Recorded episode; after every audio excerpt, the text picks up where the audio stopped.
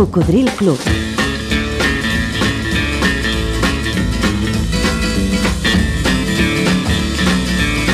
La banda sonora de la teva vida.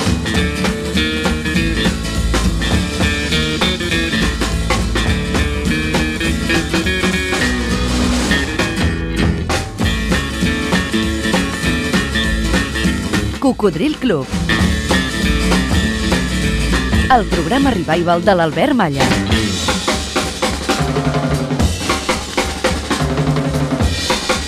Què tal, Coco? Gràcies per tornar a la ràdio. Gràcies per estar novament en connexió. Algú va dir... Una persona alegre és gairebé sempre amable. Gràcies per la vostra amabilitat, per tot el temps que ens dediqueu, especialment no tan sols als oients, sinó als que participeu en el programa. Durant molts anys ho vau fer a través de contestador automàtic. Hola, saludo a todos los cocodrilos. Desearía escuchar una canción de Víctor y Diego, en mil pedazos. Bueno, eh, en mil pedazos és una de les frases que diu, però no es diu així, eh? Era La mujer de cristal. I precisament va guanyar el primer premi del Festival d'Alcobendas el 1974. Així ho explicava el nodo de l'època i, per cert, el festival va estar presentat per el nostre estimat i gran José María Íñigo. de este tercer Festival Internacional de la Canción de Alcobendas. Muy buenas noches y repito, sean ustedes bienvenidos. Estamos llegando ya casi casi al momento final y de cualquier manera... La voz de José María Íñigo, que actuó de presentador, nos ha situado ya en escena. Estamos en Alcobendas, donde se ha celebrado el tercer Festival de la Canción, que lleva el nombre de esta localidad próxima a Madrid, la cual ha crecido espectacularmente en los últimos años. Y ahora va a anunciarnos cuál ha sido la canción triunfadora. Primer premio, 400.000 pesetas y trofeos, concedido por unanimidad absoluta de los componentes del jurado, la canción titulada La mujer de cristal, autores e intérpretes Víctor y Diego. Cristal mío, te quiero partida en mil pedazos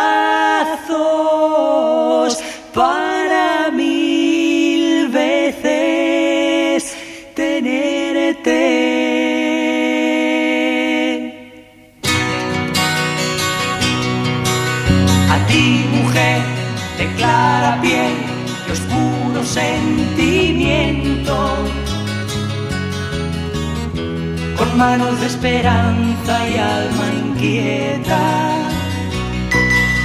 A ti, mujer, que buscara en el mar y en la playa te hallase. Cuando muere la tarde, a ti, cobarde. A ti, mujer, soñadora de famas y otros éxitos, de pasado, presente, de incansable buscar. A ti, valiente, a ti, por ti, mujer, a ti, por ti, mujer. A ti, niña y mujer, endiabladas artes, pesadilla del sueño de mi vida, que a la grupa del más bello bordel me lo robaste, que a la grupa del más bello bordel me lo robaste. A ti, por ti, mujer, de cuerpo de deseo, de consonancia eterna, amante de la luz y de la tierra. A ti, por ti y por tu vida descubrí el fuego, los encantos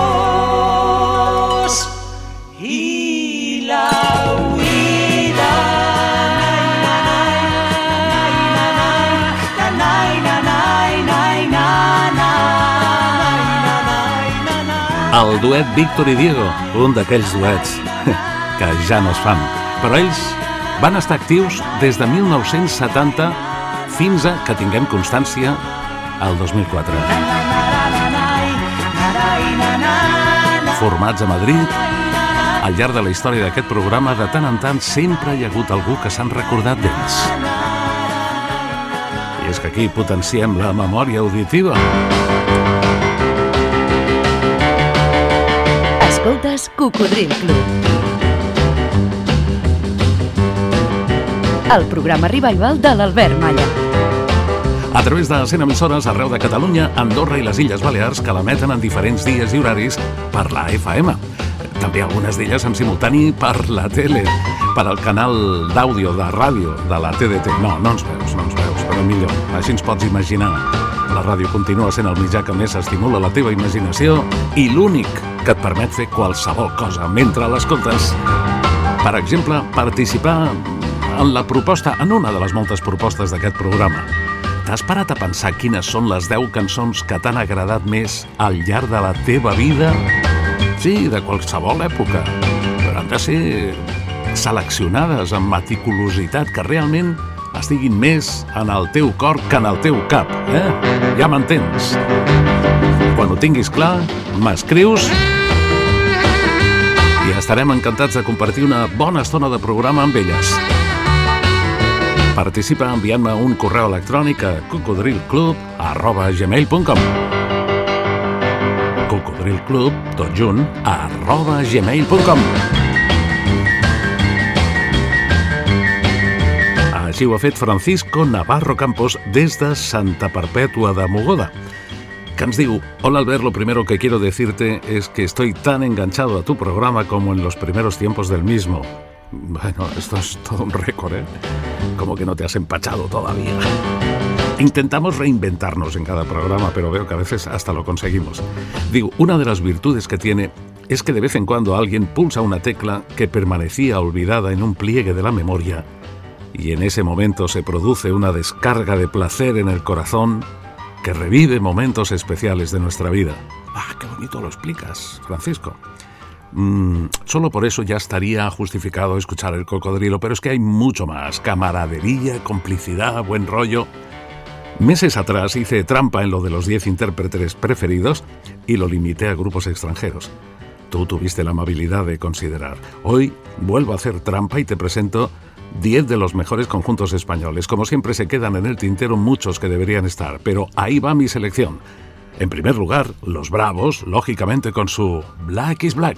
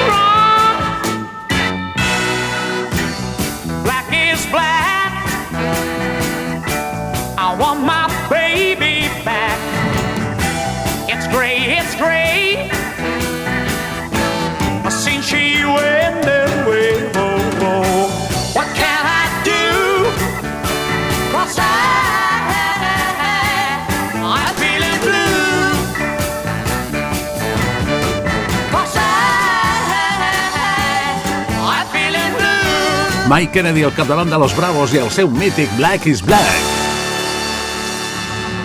Tot un rècord perquè ja sabeu que ells van ser el primer grup espanyol que va ser número 1 als dos països que històricament han marcat tendències musicals arreu del món, Estats Units i Gran Bretanya. Precisament el disc es va gravar a Londres, segons s'ha dit sempre, amb músics de laboratori, amb músics d'estudi, que no eren los Bravos, però en fi, els arranjaments van ser de luxe i realment el tema és absolutament rodó, del 1966 seguim amb molt de gust compartint la trampa, entre cometes, que diu que ha fet Francisco Navarro Campos de Santa Perpètua de Mogoda. En aquest cas, 10 conjunts espanyols. Conjunts, sí, perquè aleshores no es deien ni grups ni bandes, com ara. També us heu parat a pensar que quan anàvem a veure'ls en directe, no, a molts artistes no, no es parlava de concert, com ara, no? es parlava de recital. Bé, algunes coses han canviat i altres han quedat per sempre. En el segon lloc, en Francisco recorda Los Brincos amb Lola y diu no es su mejor canción, pero guarda el sabor de aquellas tardes de domingo en la discoteca con los primeros escarceos amorosos. Bé, jo t'explicaré una... A mi m'agraden molt les anècdotes, ja ho sabeu. La cançó és de 1965 jo tenia 7 anys i no parava de sonar per la ràdio. A mi llavors no m'agradava gaire, perquè m'agradaven més les cançons marxoses, no? les que tenien més ritme. Però l'anècdota és que jo no entenia bé, suposo que us ha passat més d'una vegada, amb cançons interpretades en idiomes que enteneu, eh? com el català o el castellà, que tota la vida heu pensat que deien una cosa i algun bon dia us heu adonat de que deien una altra. Jo en aquest cas no entenia per què a la tal Lola, eh, a la resta del món, al, al parlar de Lola, eh, deien lávense la cara, lávense la boca. Però clar, és que no deien lávense, deien lávese. La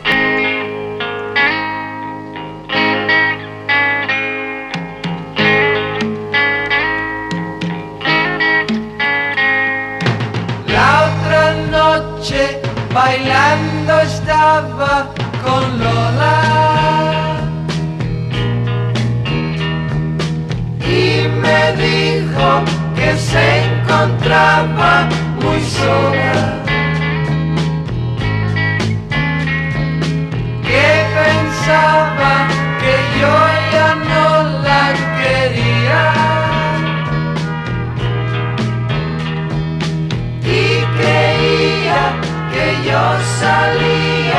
con your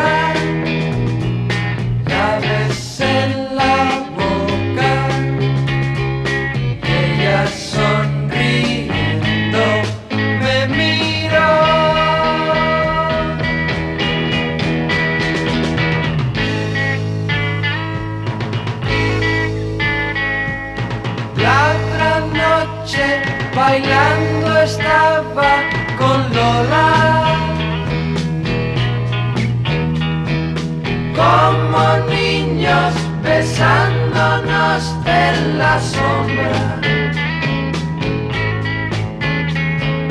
Como niños besándonos en la sombra.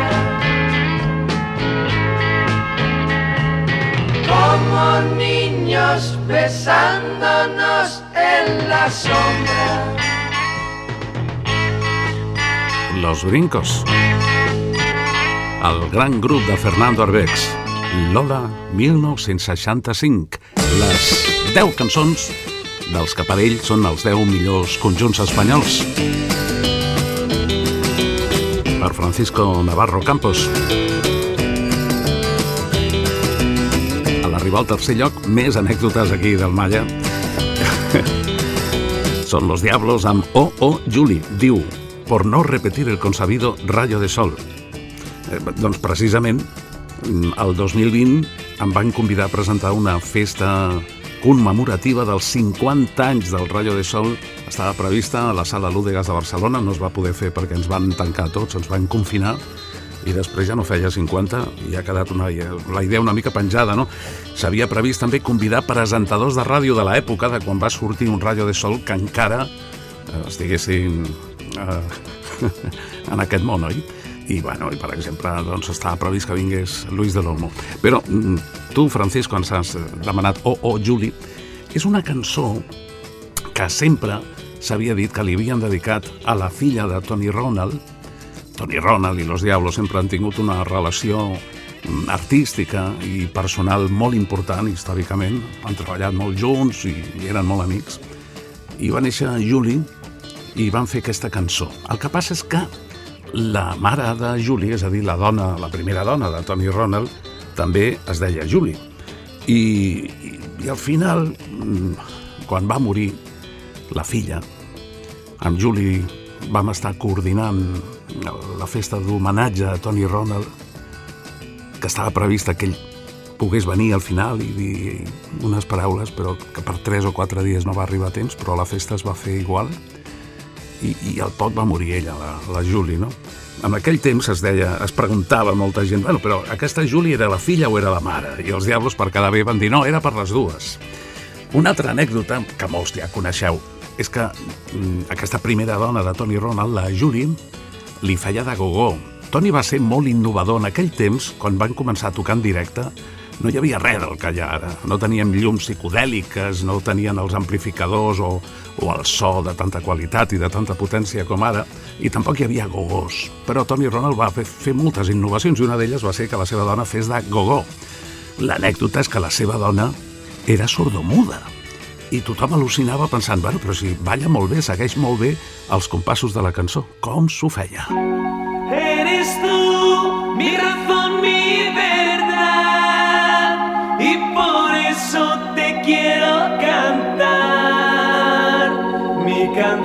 es sencilla y sincera,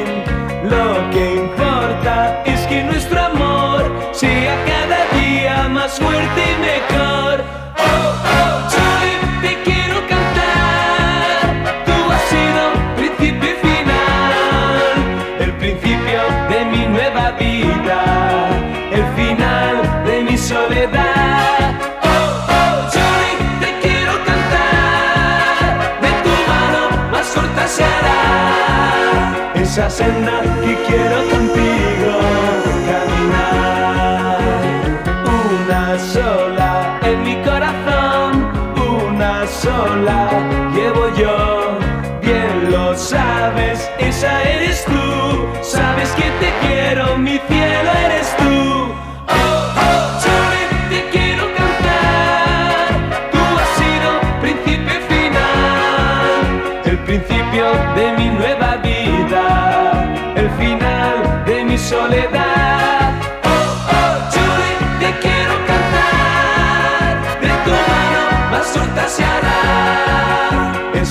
Senda que quiero contigo caminar. Oh, oh, te quiero cantar. Tú has sido principio y final. Oh, oh, Juli, que difícil, sempre que escolto aquestes cançons, penso que difícil que és fer una bona cançó senzilla Julie, te quiero cantar. i que evidentment han passat els anys i també formen part de la memòria col·lectiva dels cocos. Aquesta estona, els 10 conjunts espanyols preferits de Francisco Navarro Campos. Tu també pots participar dient-me quines 10 cançons t'han agradat més al llarg de la teva vida. Oh, Juli, los diablos.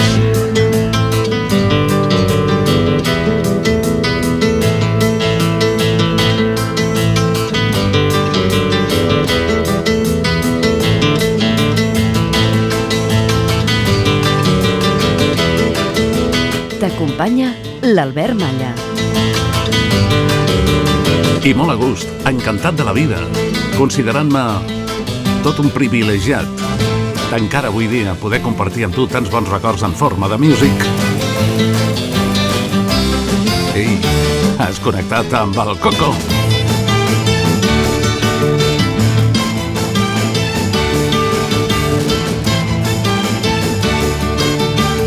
Un programa que per molts és considerat de culte perquè porta molts anys en antena, des de l'octubre de 1993, perquè en tot aquest temps a vegades més en horaris de poca audiència, horaris marginals, diguem-ho clar, però els autèntics cocos s'han buscat la vida per no perdre la sintonia.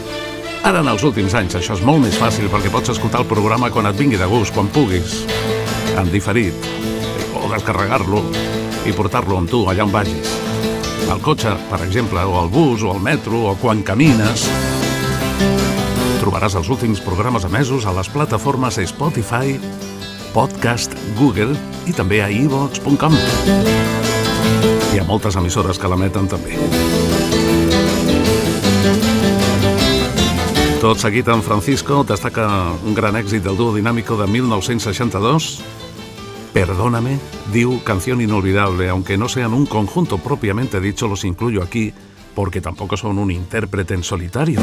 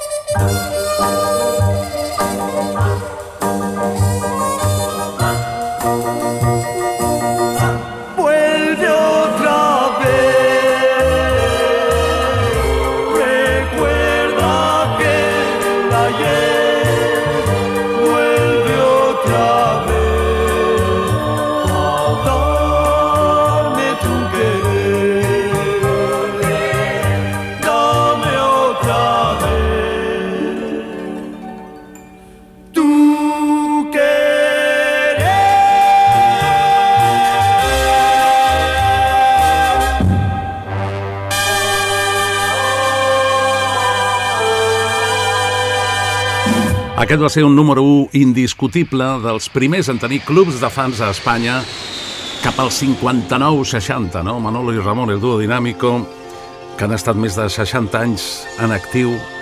Quan els vaig entrevistar aquí al programa en directe, van recordar moltes coses d'aquells inicis en una època on quasi tot estava prohibit en aquest país, ells van significar com una onada d'aire fresc, no? com obrir una finestra a l'exterior amb les seves versions d'èxits internacionals i també amb els seus rocks i els seus twists.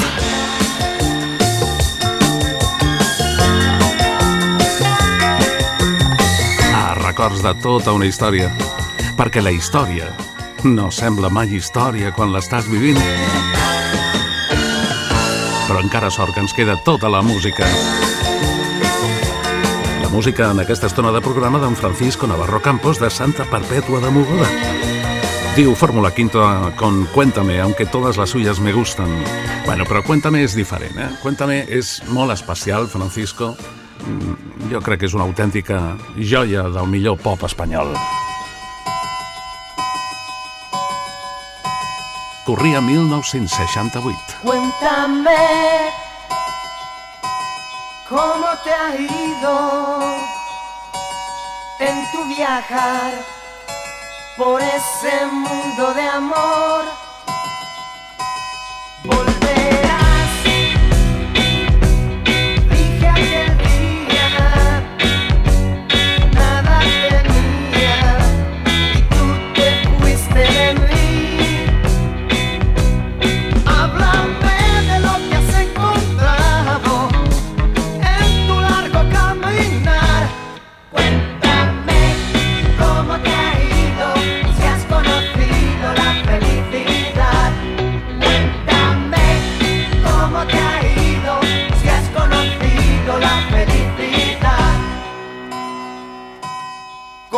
está.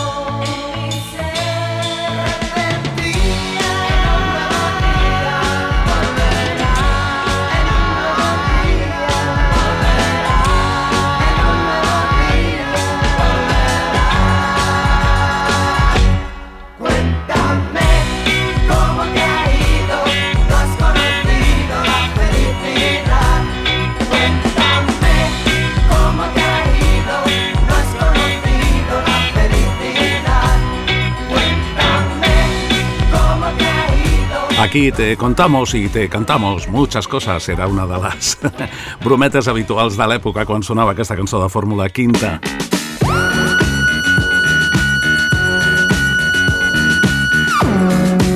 Recorda que durant el programa, però també abans i després, les 24 hores del dia i de la nit, la música del cocodril, els records no tan sols musicals sinó de tota mena, t'esperen al grup del Facebook dels seguidors, dels oients d'aquest programa. Però faltes tu, potser. Agrega-t'hi i digues la teva al grup de Facebook Cocodril Club.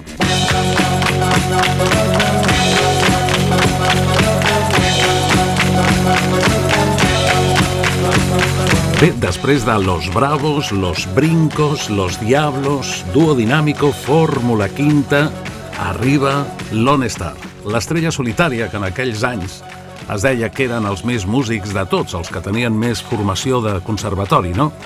I en Francisco destaca Mi Calle, que va ser el seu gran èxit, diu canción dura però representativa d'una època i unes circumstàncies. Bueno, però jo a més a més et diré que en aquell temps el Lone Star, com, com la resta de conjunts, les companyies discogràfiques els obligaven a versionar èxits internacionals al castellà, que era el que es portava i el que es venia. Mm, en el cas d'en Pere Gené, eh, li van concedir que la lletra no tingués necessàriament res a veure amb l'original, i ell es va inventar moltes lletres. Però després d'estar demostrant-lo durant molts anys del que eren capaços de fer, per fi li van dir, bueno, va, per fi els van deixar a fer, a publicar una cançó seva, no una versió.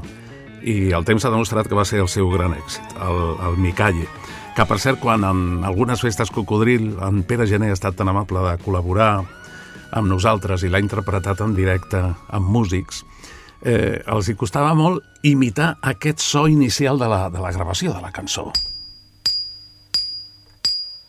Na, na, na, na, na, na, na, na, na,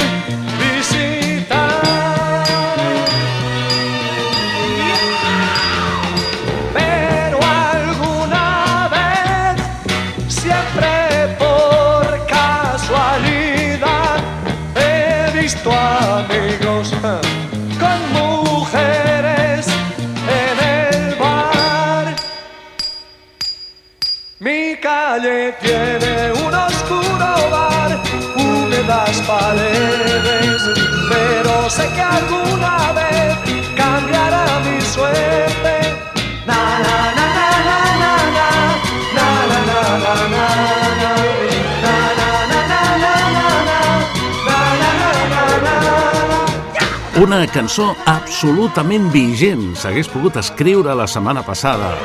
Una cançó en la que molts cocodrils s'han sentit sempre identificats per al carrer on potser, on potser van viure en la seva infantesa o adolescència.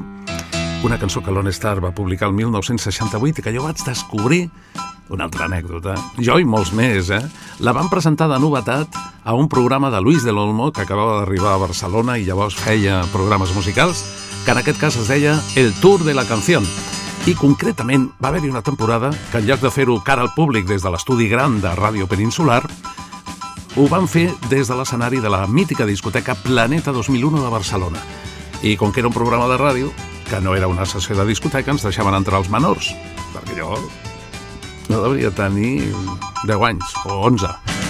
I, i, I aquell dia va començar el programa dient aquesta és la novetat de l'Hone Star Micalle i vam quedar tots allà garrativats. Diu, però esto què és? que ara encara encara impacta, però en aquell temps Micalle va ser molt més que una simple bona cançó. Tengo que decirte, Francisco, que me sorprende muchísimo tu próxima elección. Pero bueno, contra gustos, colores, claro. Bueno, recordo el que diu el meu amic Manel Josep al capdavant de l'orquestra Plateria quan canta Pedro Navaja. La vida te da sorpreses, sorpreses te da la vida. I a vegades fins i tot són agradables. No, és que al costat de tota aquesta colla, que més o menys té una coherència per l'època i per l'estil, em poses a Mecano, la qual cosa està bé perquè, mm, us agradin o no, els Mecano han estat el grup de pop espanyol que han venut més discos que, ning... que cap altre grup al llarg de la història, no? Però és que, a més a més, dius Mecano, una difícil elecció, poses una de les menys conegudes d'ells. Han fet hits molt, molt més importants, però, en fi, a tu t'agrada del 1991 a més, o sigui, imagina't quin salt en el temps, una rosa és una rosa. Sí, ma, sí,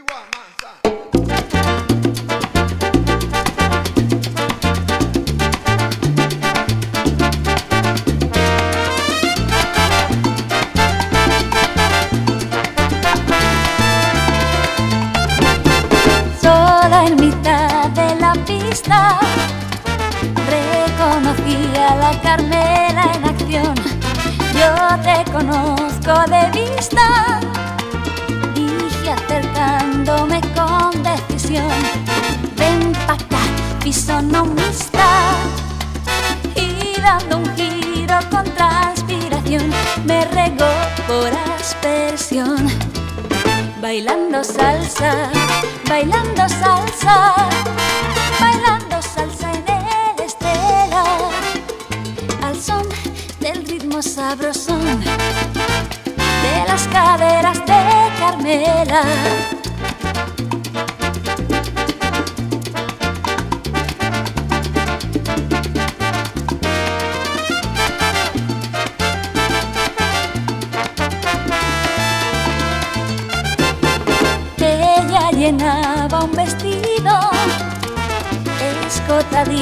Y con falda mini yo iba a lo Lauren postigo con mi camisa color carmesí, anudadita al ombligo, que lo que era ir hecho un hortera ahora causa frenesí.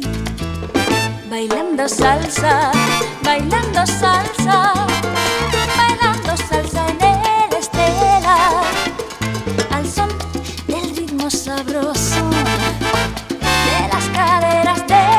escuela.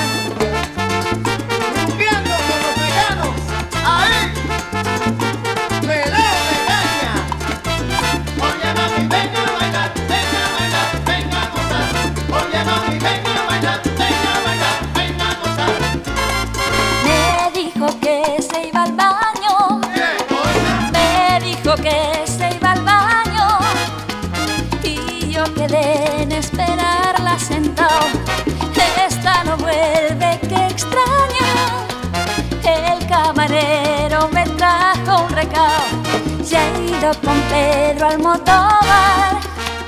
Gorda algarroba, a ver si te sacan limpiando alguna escoba. Bailando salsa, bailando salsa, bailando salsa en el estela, al son sabroso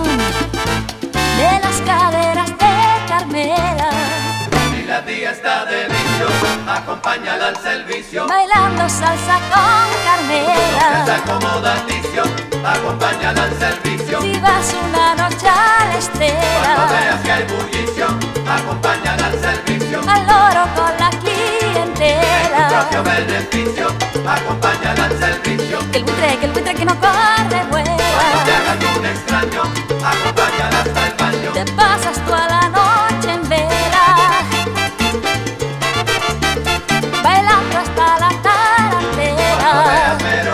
Aquest Bailando Salsa era un dels temes del seu àlbum Ai Dalai, que van gravar al poc temps d'haver protagonitzat el disc més venut a la història d'Espanya, que era el seu anterior àlbum, l'anomenat genèricament Descanso Dominical, i llavors, doncs clar, aquí van disposar de tots els mitjans tècnics i humans per continuar o mantenir com a mínim aquesta tirada, no? No va ser així. És un bon àlbum, amb bones cançons, però no va poder eclipsar aquell anterior de Descanso Dominical que va tenir diversos eh, singles de gran èxit. Per cert que el Descanso Dominical durant gairebé 10 anys va ser el disc més venut a Espanya fins que el 97 el va desbancar el Corazón Partió d'Alejandro Sanz. Els records d'una època en què es venien discos. Això és Cocodril Club. el programa revival de l'Albert Malla. Has parat a pensar quines són les 10 cançons que més t'han agradat al llarg de la teva vida? Quan ho tinguis clar, m'envies un correu i les compartirem en una bona estona de programa en el teu honor. Cocodril Club, tot junt, arroba gmail.com cocodrilclub, arroba gmail.com Bueno, en Francisco Navarro Campos ja ha reconegut que ha fet una mica de trampa perquè no són les seves 10 cançons preferides, sinó les cançons que més li han agradat de conjunts espanyols. I després de Mecano tornem enrere, ens fa anar al 19, o sigui, del 1991, ens fa anar ara al 1973 amb el Eres tú de Mocedades que diu Magnífica canción y un conjunto de voces perfecto. Bueno, sempre que sona l'Eres tú hem de recordar, perquè no és gens habitual, que va quedar eh, segona en el Festival d'Eurovisió de 1973, però és que va vendre milions de discos a tot el món cantant en, castellà. Eh? Per exemple, només als Estats Units va vendre un milió de còpies aquest tema fantàstic de Juan Carlos Calderón. Como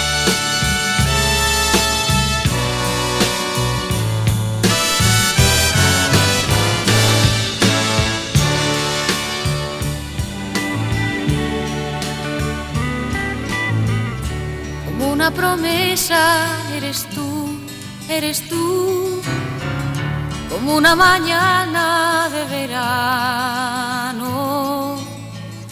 como una sonrisa eres tú, eres tú, así, así, eres tú.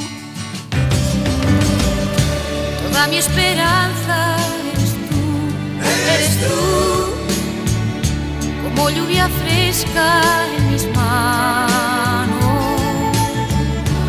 como fuerte brisa eres tú,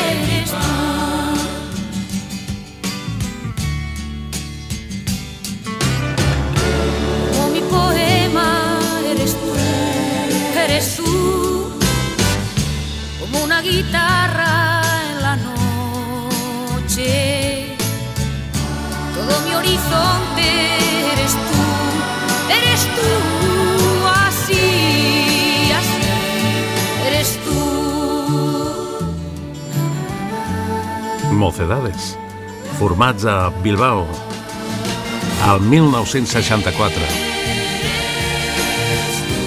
Eres tu, 1973. Segon premi del Festival d'Eurovisió, que va vendre en total un milió... No, no, en total va vendre 8 milions de còpies arreu del món. Un milió només als Estats Units. Cantant en castellà, eh? Que si no ha estat gens habitual al llarg de la història. Estem arribant al final d'aquesta història de 10 conjunts d'en Francisco Navarro, que s'han recordat, evidentment, també dels Mustang, però d'ells eh, escull la versió de Conocerte Mejor, diu Los Reyes de les versiones dignes. Sí, però mm, aquesta no és de les seves millors versions, segons el meu humil entendre. Eh? Mm, A més, el Conocerte Mejor els Beatles la van publicar el 1964 i no sé per què, ells no la van versionar fins a 1981.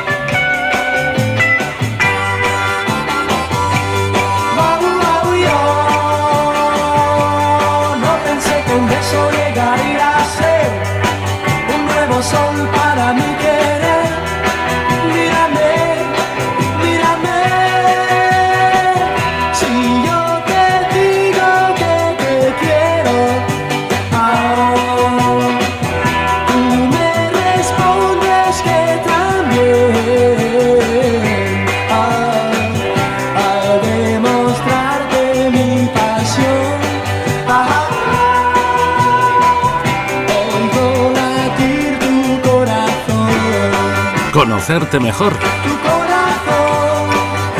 Los Mustang, tu corazón. 1981. Abans Mocedades, Mecano, Lone Star, Fórmula Quinta, Dúo Dinàmico, Los Diablos, Los Brincos, començant pels Bravos i acabant per als Cirex, aquesta selecció d'en Francisco Navarro Campos de Santa Perpètua de Mogoda. Diu, la escoba de los Cirex eran la contraposición a los Mustang. Los chicos malos, pero simpáticos. Bueno, malos, malos, a veure, també s'havia comentat que els Mustang eren els nens pijos de la part alta de la ciutat i que, i que els Cirex representaven els barris obrers, no? Malos, malos, yo creo que eran más malos los salvajes e incluso los cheyennes, con, amb aquells mm, que quedaven tan peluts, no?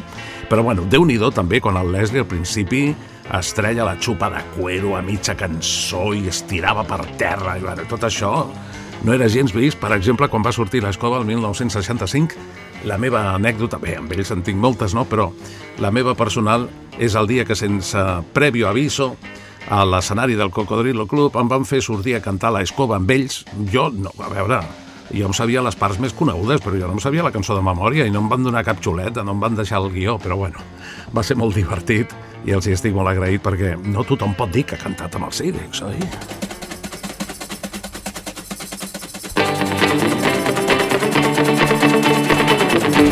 També el Leslie, aquí en directe al programa, va dir que la seva intenció no era fer una cançó protesta, però que molta gent s'ho va prendre així. Si yo tuviera una escoba, si yo tuviera una escoba, si yo tuviera una escoba, si yo tuviera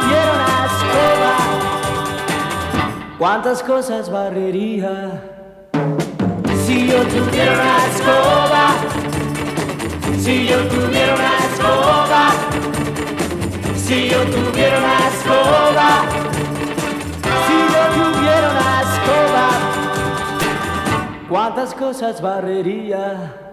Primero, lo que haría yo primero, barrería yo el dinero que es la causa y el motivo, hay de tanto desespero.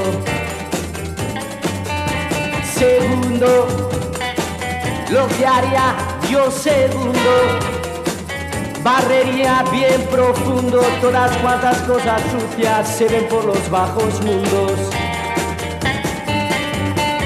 Si yo tuviera una escoba, si yo tuviera una escoba, si yo tuviera una escoba, si yo tuviera una escoba, ¿cuántas cosas barrería?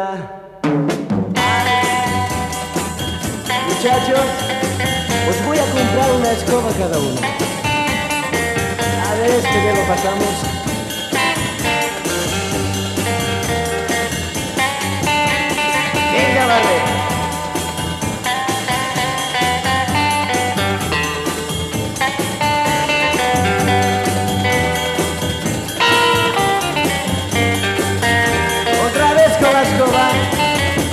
Yo tuviera una escoba, si yo tuviera una escoba, si yo tuviera una escoba, si yo tuviera una escoba, cuántas cosas barrería, Mm, cuántas cosas barrería, Yo también tengo una escoba, pero sobre todo tengo grandes amigos que col·laboren en el programa com tu, Francisco Navarro Campos de Santa Perpètua de Mogoda. Moltes gràcies per al temps que ens has dedicat. Algú va dir, la sort és l'habilitat de reconèixer una oportunitat i la capacitat d'aprofitar-la.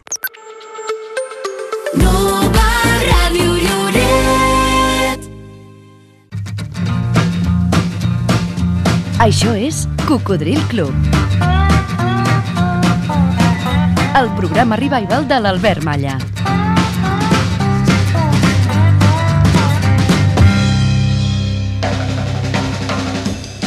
I tot seguit, les versions de l'amic Ramon Castells de Barcelona. Avui has buscat una ben rara, eh? molt poc coneguda. Diu, he posat un tema d'un grup que no sé si varen fer res més. The Royal Warsmen. Doncs mira, curiosos aquest, aquests pallos, eh? Són d'Estats Units, van tenir 4 o 5 èxits, però tots amb la paraula Snoopy en el seu títol. No sé per què. El, el tema concretament que tu ens demanes és de 1966 Achtung, jetzt wir singen zusammen die Geschichte über den Schweinkopf, den Hund und den lieben Redbären. After the turn of the century, in the clear blue skies over Germany, came a roar and a thunder men have never heard, like the screaming sound of a. Up in the sky, a man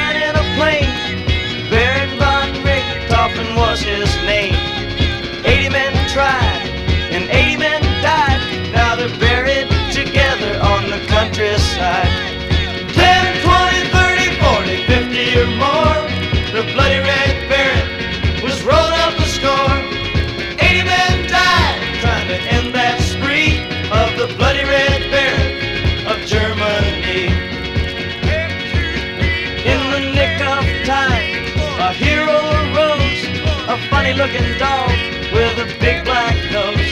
He flew into the sky to seek revenge, but the baron shot him down. Curse his wild again. 10, 20, 30, 40, 50 or more. The bloody red baron was rolling up a score. 80 men died trying to end that spree of the bloody red baron of Germany. La cançó es diu Snoopy versus The Red Baron i es va publicar el 1966. Curiosament, molts anys més tard, el 2006, va sortir un joc de la PlayStation amb el mateix nom. Però amb les versions de Ramon Castells, ell ha detectat que en el seu moment els Mustang van fer aquesta, en castellà, anomenada Snoopy contra el Barón Rojo. Gràcies, Ramon. I tots vosaltres, si plau, no perdeu la sintonia. ¡Achtung! Esta ser historia de hombre malo que de cielo hace el infierno hasta que llegó Snoopy y ajustó cuentas. Cocodril Club, el programa revival de l'Albert Malla. Hace ya tiempo en el cielo se oyó sobre el cielo azul rugir un avión. Siempre ganó, cien batallas libró y jamás a su base con rasguños volvió. Suben por él en el cielo a luchar, ocho valientes que habrán de morir. Uno tras otro sin compasión, derriba en el cielo el sangriento varón.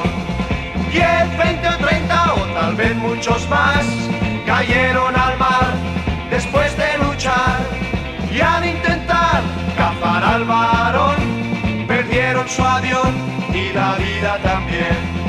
One, two, three, four. One, two, three, four. Snoopy oye hablar del terrible varón, decide luchar, se dispone a volar, encuentra su avión, empieza a tirar sobre el cielo azul. Lo derriban también. 10, 20 o 30 o tal vez muchos más cayeron al mar después de luchar y al intentar cazar al varón perdieron su avión y la vida también. Snoopy cayó, mas no murió, motivar al de nuevo a luchar. Snoopy volvió, cruel fue la lucha que en el cielo se dio.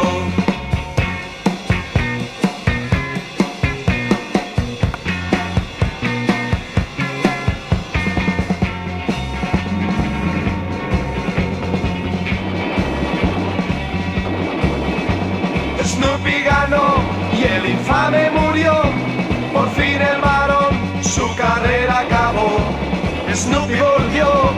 Fue el vencedor. Cruel fue la lucha que en el cielo se dio. 10, 20 o 30 o tal vez muchos más cayeron al mar después de luchar y al intentar cazar al varón perdieron su avión y la vida también. 10, 20 o 30 o tal vez muchos más cayeron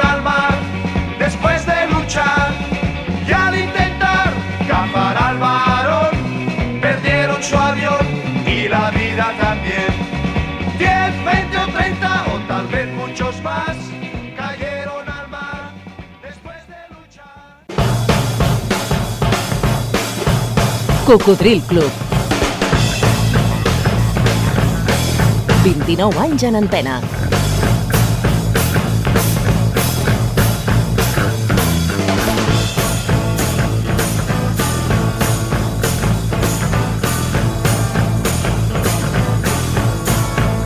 Cocodril Club.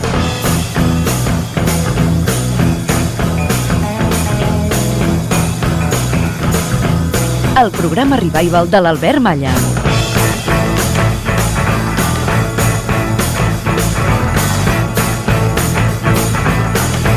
Què tal, Coco? Algú va dir l'altre dia en el nostre grup de Facebook, en el grup dels seguidors, dels oients d'aquest programa, en el grup Cocodril Club, el grup que potser està esperant que tu també t'hi agreguis i digues la teva, eh?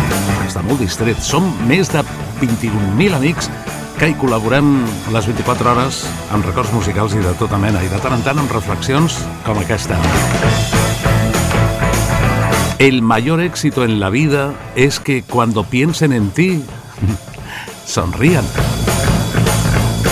Ei, però ja saps que això ho fem junts. Bon dia, cocodrils. Em dic Josep, soc de Granollers. I escoltant les cançons que em porten molts records, d'amors, desamors, quantes festes particulars hem compartit junts amb els amics. Aquesta cançó que demano és la de la meva vida. Va ser el meu primer amor. És de Richard Anthony i era Aranjuez Bonamur. Moltes gràcies, eh?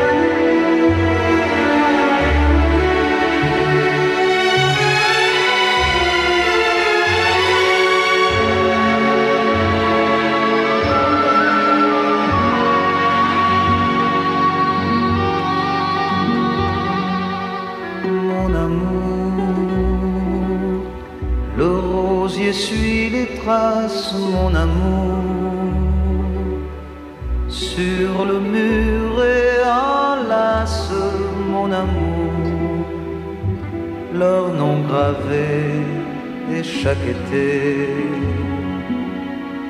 d'un beau rouge sont les roses. Mon amour, sèche les fontaines, mon amour, au soleil, au vent de la plaine et aux années qui vont passant. Depuis le matin de mai qu'ils sont venus, la fleur au cœur, les pieds nus, le pas lent et les yeux éclairés d'un étrange sourire.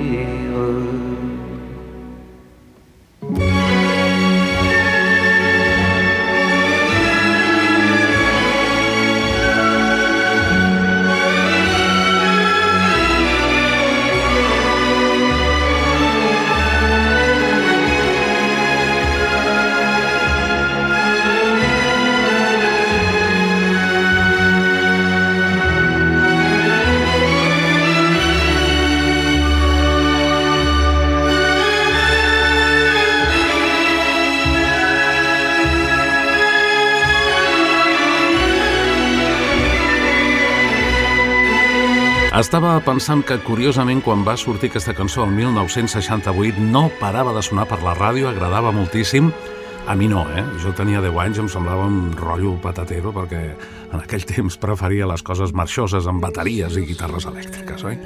Però després, al llarg de la història d'aquest programa, que com sabeu porta més de 29 anys en antena, no, no l'heu demanat gairebé mai. Eh? Richard Anthony, el que li deien el pare tranquil del rock, va gravar més de 600 títols. Va vendre 50 milions de discos. Només d'aquesta, d'Aranjuez, 6 milions. Aranjuez, mon amour. Aranjuez Mon Amour és una adaptació de l'Adagio de Joaquín Rodrigo, però si em permeteu, jo aprofito la més mínima excusa per recuperar un dels seus temes, i em va, em va gravar 600, eh, que més m'ha agradat sempre. Un tema originalment en anglès, que ell va dir Ce monde. Chaque jour j'ouvre les yeux sur toi. Chaque nuit vient les fermer sur toi. Tu souris et je suis le plus heureux. Loin de toi, je suis si malheureux.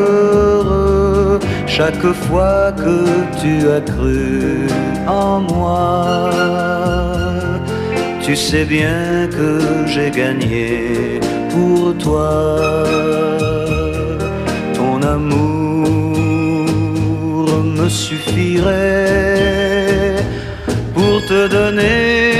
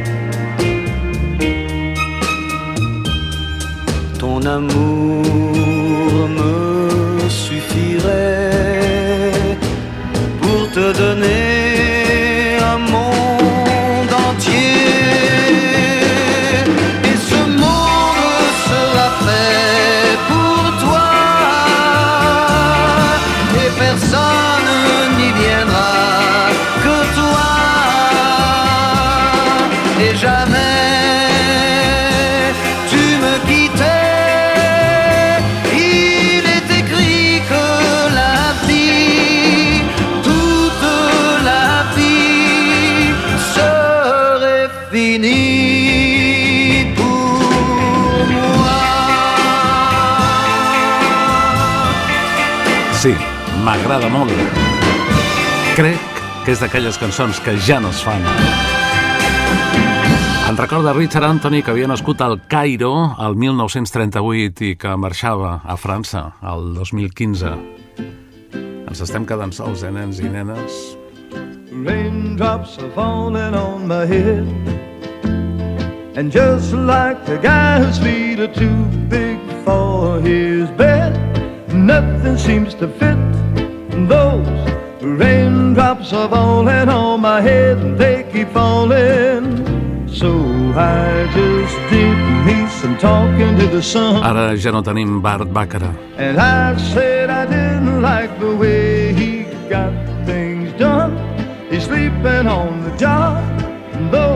Aquesta va ser segurament la seva cançó més coneguda, una cançó que es va utilitzar per la banda sonora original de la pel·lícula Dos hombres y un destino, Raindrops Keep Falling on My Head, que aquí es va dir Gotas de lluvia caen sobre mi cabeza, interpretada per B.G. Thomas, que també ja fa un temps que se'n va anar a l'altra dimensió.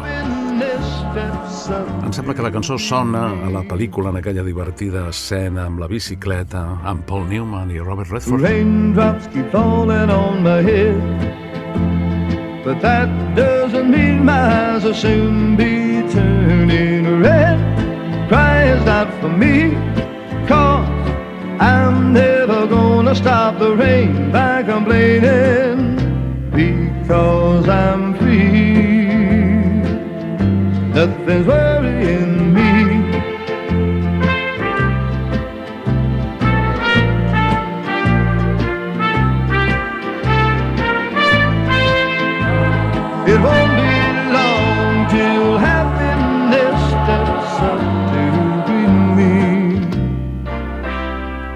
Això és del 69.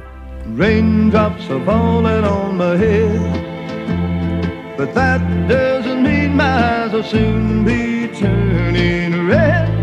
Cries out for me, cause I'm never gonna stop the rain by complaining. Because I'm free, nothing's worrying me. Bart Bàcara va escriure tantes bones cançons i tan agradables. Ens deixava als 94 anys, el passat 9 de febrer del 2023. Però segurament la seva cantant fetitxe, podríem dir, va ser Diane Warwick. What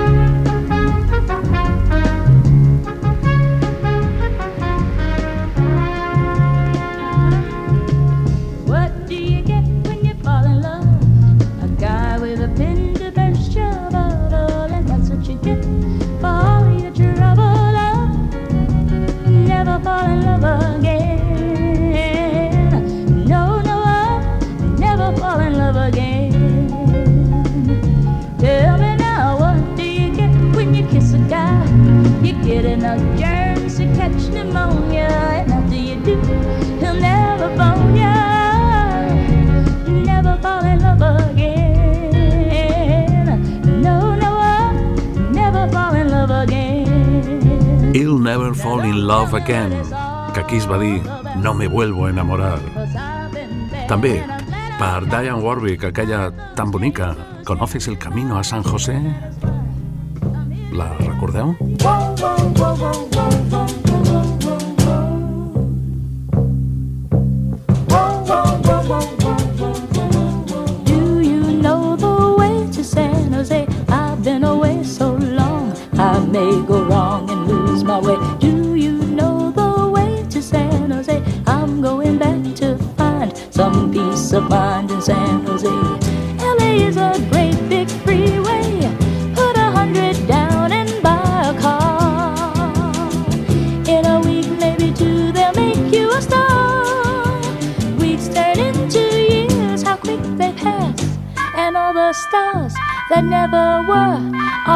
cars and pumping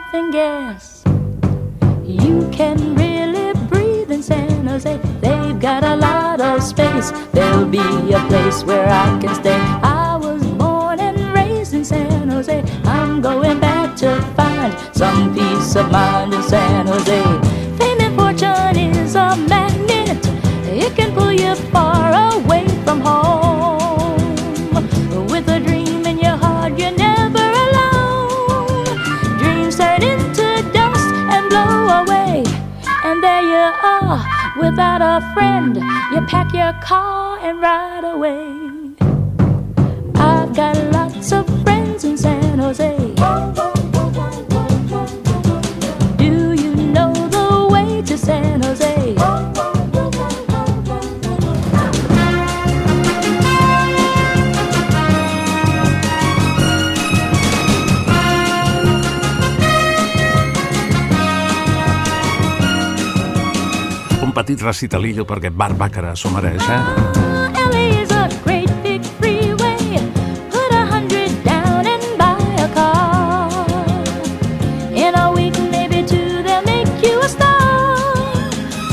Turn into years, how quick they pass. Do you know the way to San José? Coneixes el camí a San José? Cantava Diane Warwick en aquesta cançó de Barbàcara. San Tan agradable.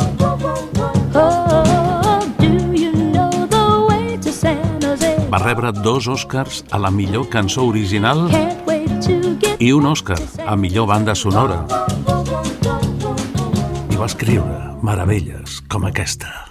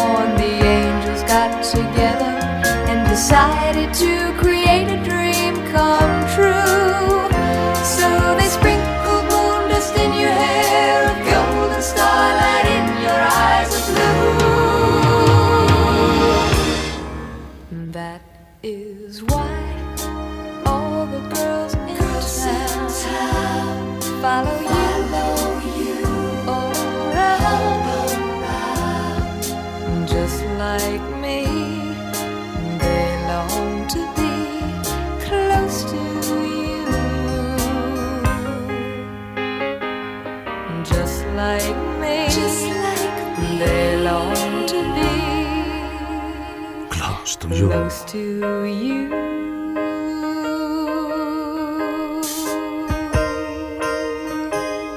Amb la veu de vellut de Karen Carpenter.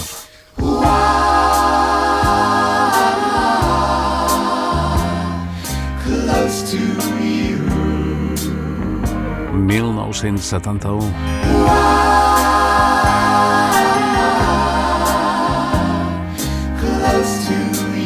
Barbacara va escriure grans èxits per gent tan important com Tom Jones, Elvis Costello o ja més jove, Sheryl Crow.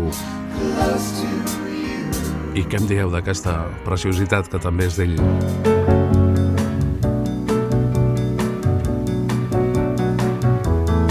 Rezo una pequeña oración per la gran Aretha Franklin. The moment I wait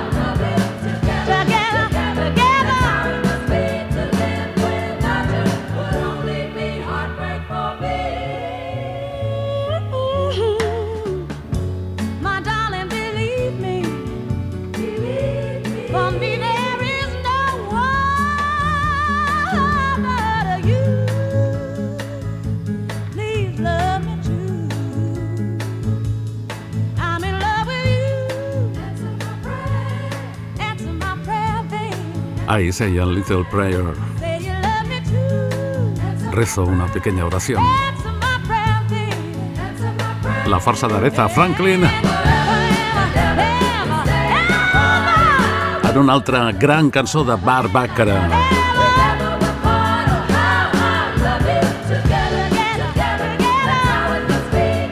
Bueno, podríem estar-nos no sé quants programes, però en aquest humil homenatge del cocodril a Barbàcara us deixem, per exemple, amb la cançó de la banda sonora original d'Arthur, El soltero de oro, que es va dir aquí, el tema d'Arthur, el tema d'amor, de Christopher Cross, del 1981. Barbacara. sempre en el record dels cocodrils.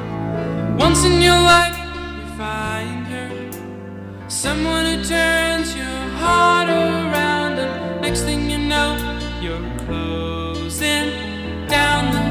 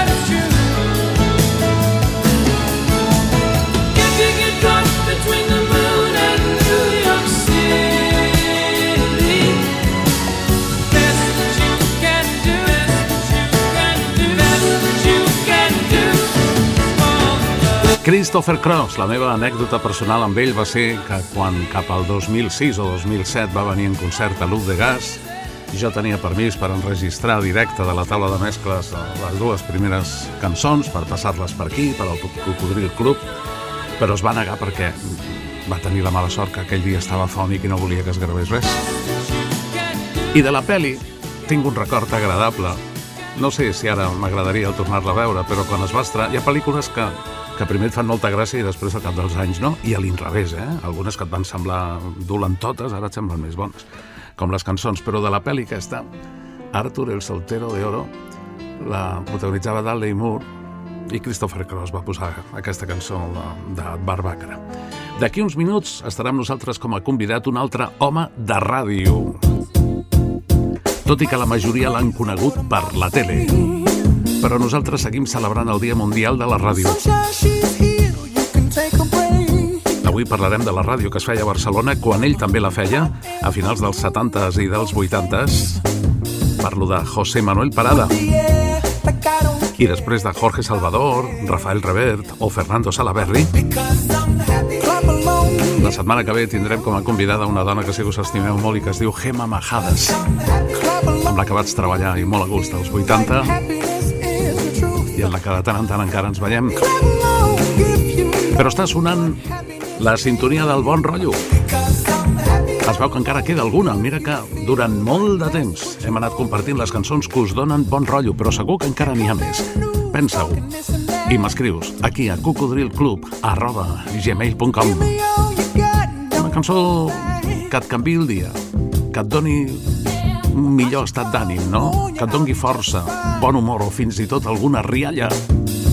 Oh, n'hi ha, eh? I si la tens, no la guardis. Comparteix-la. Cocodrilclub, tot junt, arroba gmail.com Com ha fet el bon amic Ventura Gileto de Barcelona, que em diu Hola Albert, escric per suggerir el tema You Are the Boys de John Farham dintre de la secció Temes amb energia positiva. tema molt conegut a Anglaterra, com també el cantant que fins i tot és el tema considerat un himne, tot i ser un one-hit wonder a la resta del món.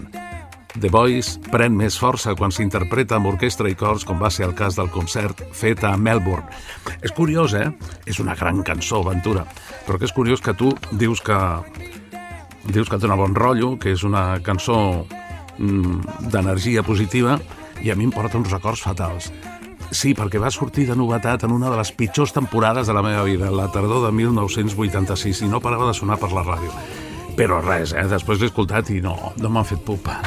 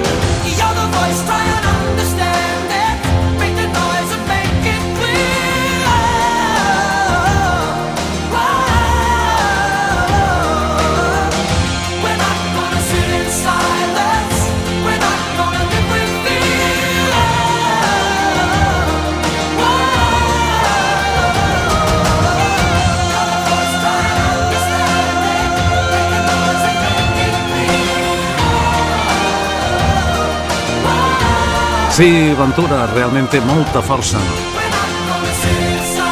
M'agrada, m'agrada molt. No, ara ja no em fa pupa escoltar-la, ara em fa ràbia. Al recordar lo tonto que vaig ser. Bueno, però van coincidir diversos motius, eh? No tan sols el de la tontura, no, no. Allò que diuen que les desgràcies nunca vienen soles, doncs deu ser veritat.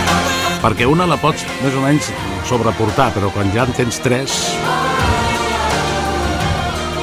És curiós, eh, com les cançons realment mai són inofensives. Gràcies per aquesta proposta, amic Ventura Gileto de Barcelona, que segur ha donat bon rotllo a molta gent. I la meva cullerada d'avui està claríssima, perquè és una cançó que es diu Happy Hour, l'hora feliç, dels House Martins, que per cert també és del 86, és, és per contrastar una mica. Aquests nois anglesos, House Martins, que aquí s'haguessin dit la casa de los Martínez, com aquella sèrie de televisió en blanc i negre, la cançó parla d'una nit de festa, diu quin bon lloc per estar... Bueno, jo recordo que abans alguns bars o discoteques tenien la seva happy hour, no? la seva hora feliç. Per exemple, si resulta que la gent anava tard, doncs l'hora feliç era a primera hora, que et feien un descompte o et regalaven un xupito, o al revés, si la gent se n'anava d'hora, doncs resulta que a última hora de la nit era, era l'hora l'hora feliç. Però en qualsevol cas, aquesta és una cançó que ens pot donar una miqueta aquest bon rotllo que necessitem sempre, eh?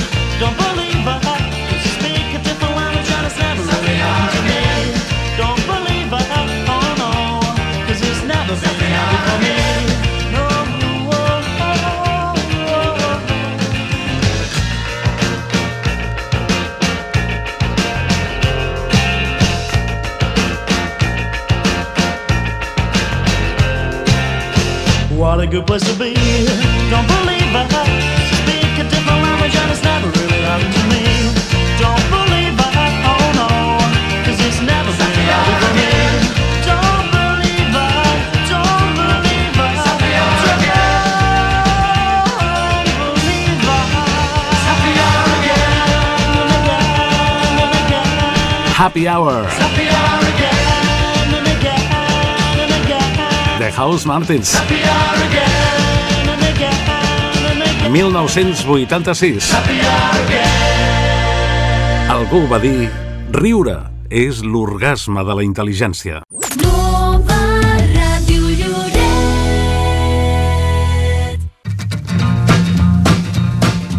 Això és Cocodril Club. El programa revival de l'Albert Malla.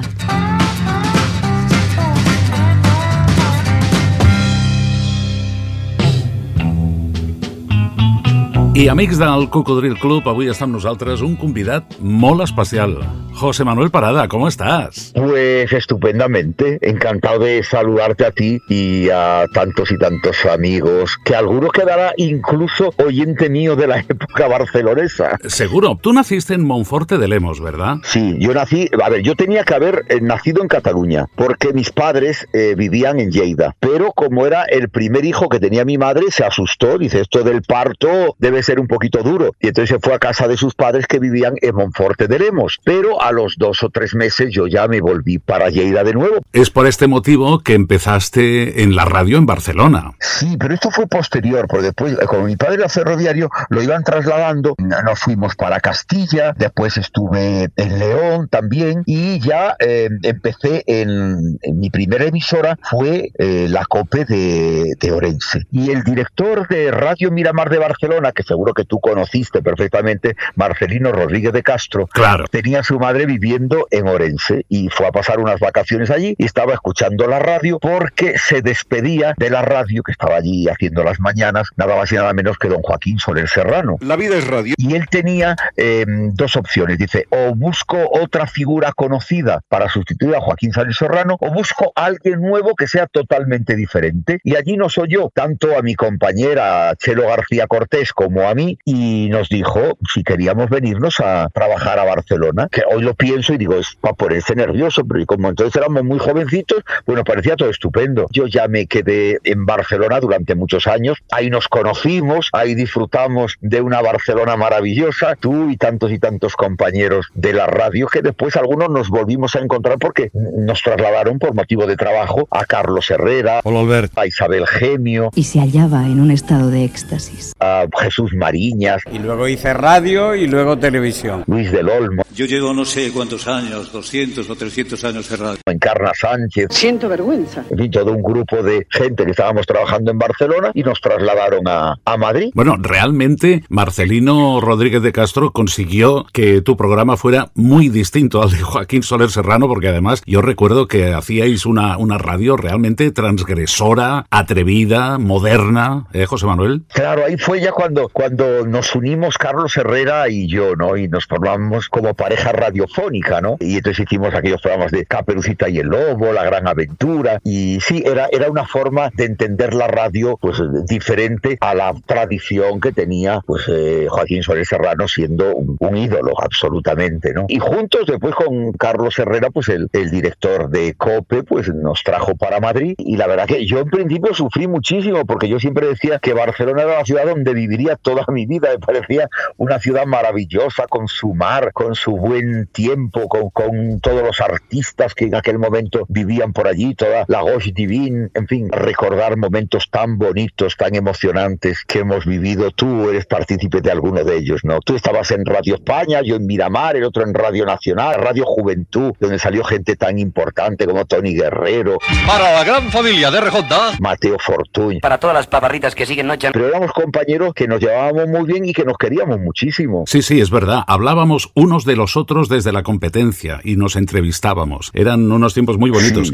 Eh, bueno, tú, tú en la radio de Barcelona, como muy bien recordabas, tuviste de pareja radiofónica a Carlos Herrera, pero en la vida real tuviste de pareja a Chelo García Cortés muchos años. Claro, pero, pero también era pareja radiofónica, porque eh, de donde veníamos de la COPE de Orense, pues eh, hacíamos programas juntos, e incluso en Miramar también nos tocó hacer programas juntos, pero efectivamente nosotros vinimos siendo pareja ya, ¿eh? ya éramos pareja, y encima cuando Marcelino Rodríguez de Castro propone, oye, necesito gente en Barcelona, ¿os venís? Nosotros lo primero que pusimos de condición es, nos vamos pero juntos. Acabábamos de enamorarnos y no teníamos ninguna ganas de separarnos, pues ya Chelo cambió de rumbo, Chelo se pasó a Radio España. Sí, yo trabajé, yo trabajé ¿Tú con? Chelo. No. Sí, en Radio España. Y Claro. además hubo un tiempo que ella eh, me hacía la producción de mi programa, ¿sabes? Me buscaba invitados y tal. Y tengo muy buenos recuerdos Sí, de sí. esa época. Sí, sí, sí. Para estos minutos dedicados a nuestra agenda del espectáculo, Recuerdo también aquella época también estaba por ahí con vosotros Paco Lobatón, ¿no? Claro, sí, sí. Paco Lobatón era el También, jefe, claro. era, era el jefe de informativos. Tantas emociones ahora reunidas que sería difícil sistematizarlo. Claro, si es que, oye, hemos trabajado con gente muy buena. Además, has recordado al, al gran Joaquín Soler Serrano, maestro de maestros, y yo también pude, pude Sí. trabajar con él en Radio España ya en los años 80. Alberto Maya, querido, ¿cómo estás, hombre? Y yo recuerdo también con mucho cariño a Salvador Escamilla, que, que nos introdujo en el mundo de la canción catalana, ¿no? Desde Radio Scott, con amor. A Pepe Antequera, Pepe Antequera, de verdad que hacía los solés de la canción, un festival maravilloso. Y dispuestos a empezar el programa con esta sintonía que un día hizo especialmente para, para los solés de la canción Augusto Alguero. ¡Olé! ¡Olé! Yo tengo recuerdos maravillosos de toda, toda esa época y los llevo a todos de verdad en mi corazón. A ti también, ¿eh? A ti también que te recuerdo de toda la vida. Tú eras ya un clásico en, en la comunicación de Barcelona. Pero una generación buenísima. Y la gente de, de- de Radio Barcelona, de la SER, ¿te acuerdas que hacían el Turia y sus afluentes? Por favor, qué programón. ¡Wow! ¿Cómo les va? Es una gozada, paisanos. Hoy, como cada sábado, les presentamos El Turia y sus afluentes. Es que fue maravilloso escuchar, escuchar a Turia, era una, una delicia, que, que dominio de, de la voz. Ay, después no me quiero olvidar tampoco, ay, ¿cómo se llamaba aquel que fue pareja de Isabel Genio? Arribas Castro. Arribas Castro, Luis Arribas Castro, qué maestro de la comunicación.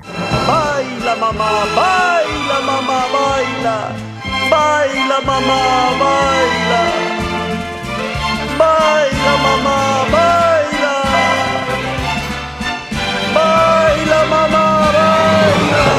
Y Josep Cunil, Josep Cunil también era de, de nuestra época. La ràdio era la banda sonora de la meva vida. Yo he trabajado ahí con gente a la que le tengo una gran admiración y un gran cariño. Como compruebo que estás muy bien de memoria, te quería preguntar si te acuerdas para explicarnos alguna anécdota que te haya ocurrido trabajando en cualquier momento, en cualquier época. Quizás lo más fuerte que me ha pasado a mí en la radio es empezando. Cuando yo estaba en la COPE, ya sabes que la COPE depende de la iglesia, de, de los obispos. Entonces, en la COPE de Orense, el que mandaba, mandaba era el obispo de Orense, ¿no? Y entonces, eh, en los principios aquellos de la radio, hacíamos de locutores, pero también hacíamos de controles de sonido. Para, con un solo trabajador cumplían las dos etapas radiofónicas, la de controlar el sonido y la de mm, hablar. Y entonces recuerdo que en un turno de noche que yo estaba ya agotado, agotado, agotado, había que despedir porque entonces, cuando yo empecé, y seguro cuando tú empezaste, todavía mm, terminaba la radio a las 12, una de la madrugada. Se cerraba por la, radio sí, noche,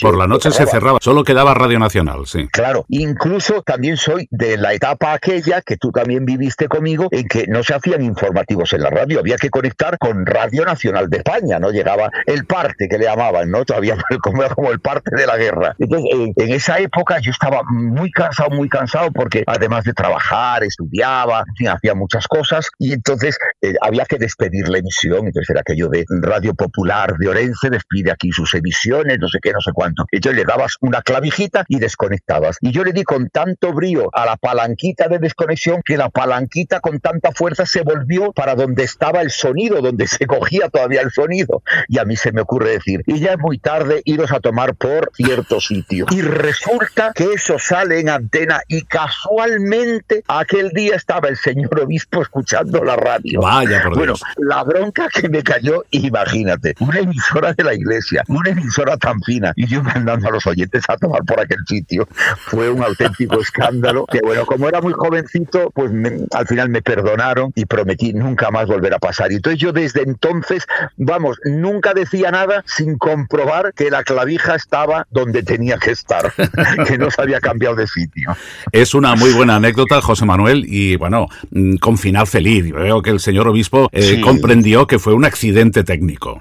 José Manuel, ¿cuál podría ser la canción de tu vida? Fíjate, hablando contigo y recordaba hace un momento a Escamilla con Joan Manuel Serrat, al que vi recientemente en su concierto de despedida, ¿no? Que me daba mucha penita, digo, qué pena, ¿no? Porque yo creo que Serrat con lo que ha hecho se merece estar ahí en, en un podio. Es, es un hombre que creo que ha compuesto las cosas más bonitas del mundo. Y a mí hay una canción de Serrat que me gusta mucho y que mm, creo que a todos nos conviene bien escuchar de vez en cuando. Es una canción muy cortita, no dura mucho, pero todo lo que dice nos incumbe a todos. Se trata de aquellas pequeñas cosas. Es aquella canción que dice, creemos que hemos olvidado las tristezas de la vida y sin embargo no. Cuando menos te lo esperas, surge y te pones a llorar cuando nadie te ve recordándola. Me parece una canción, un poema hermosísimo de nuestro Joan Manuel Serrat. Muchas gracias, querido José Manuel Parada, por atendernos. Ha sido un auténtico placer y vamos a compartir tu canción con todos los oyentes. Un placer mutuo charlar contigo, querido amigo y compañero, y un placer escuchar con toda tu gente a Joan Manuel Serrat una vez más. Hasta siempre.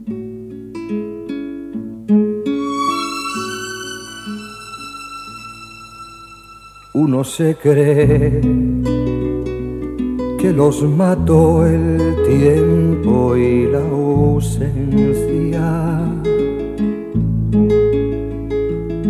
Pero su tren vendió boleto de ida y vuelta. Son aquellas pequeñas cosas que nos dejó tiempo de rosas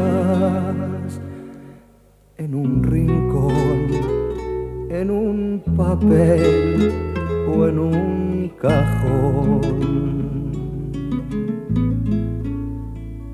Como un ladrón te acechan detrás de la puerta.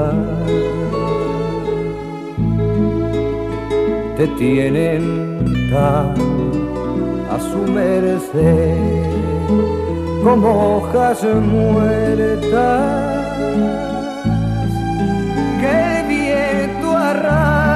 allá o aquí que te sonríen tristes y nos hacen que lloremos cuando nadie. Aquelles pequeñes coses de 1971 és la cançó més especial per al nostre convidat, el company radiofonista durant molts anys a Barcelona, José Manuel Parada. La pròxima la decideix Rafael Turià i els seus afluentes. ¿No han oído los afluentes que el Betel ha dado la hora de comenzamiento? ¿Creen que pueden hacer esperar impunemente al comandante Maya? La compañía de actores El Turia y sus afluentes presenta El Turia y sus afluentes.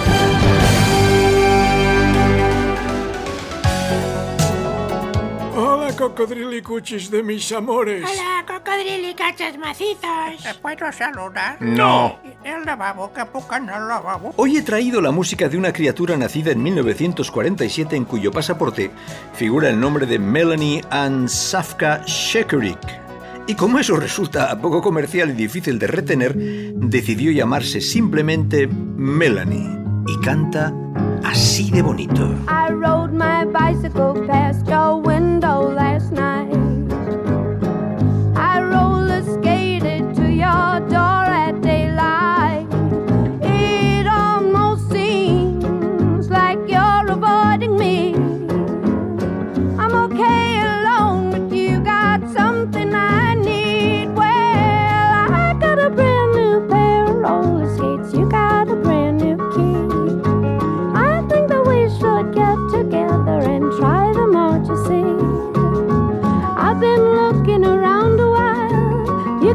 Something for me.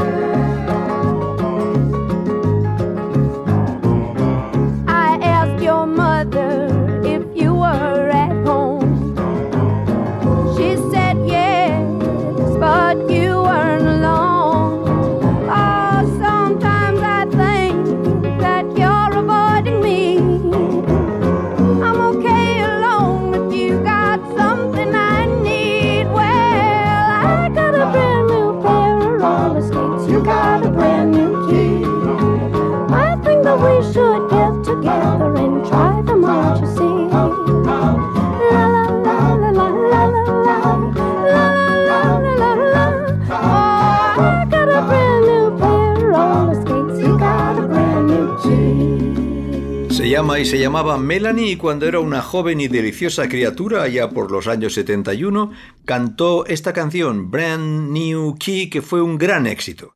Querido Albert, los afluentes ocupas nos despedimos cantando. Un abrazo. Hasta luego, cocodrilos. Aquí acaba la emisión del y sus afluentes. en la edición de hoy. La próxima semana volveremos otra vez. Ara ja puc anar a prendre un cafetonet? Moltes gràcies, estimat Rafael Túria, i a tots els teus afluentes. A mi també sempre m'ha agradat molt Melanie, la cançó que avui has escollit, Rafa. Ei, Hey, Mr. DJ, where are you? doncs que jo continuaria, però quan tu em preguntes això, representa que el programa ja s'acaba amb l'última secció de la segona hora. Els més ballats de la història. Una secció on també m'agradaria molt que hi participessis perquè ens agrada marxar ballant.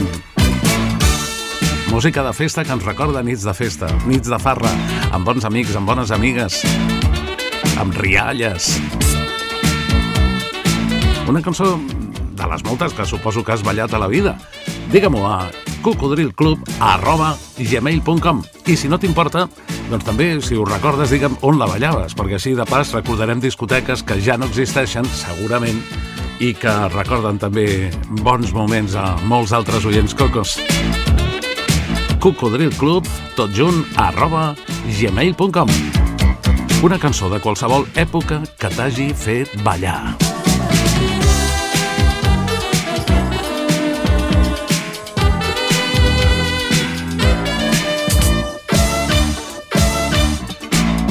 Avui el protagonista és eh, l'amic Carles Martí Arilla, que ens escolta i escriu des de Sant Feliu de Guíxols, que per cert s'ha incorporat a les més de 100 emissores que emeten aquest programa recentment. Doncs en Carles em diu m'agradaria ballar una cançoneta que no va ser molt coneguda, era suau de ritme, però a mi em resultava molt agradable. La ballava a la discoteca Las Vegas, d'aquí Sant Feliu. La cançó era Heartbeat dels Bad Boys Blue. Ah, bona memòria. Va ser com un One Hit Wonder d'ells aquí. Va sonar bastant cap al 1987. Ells eren d'Alemanya. Moltes gràcies, Carles.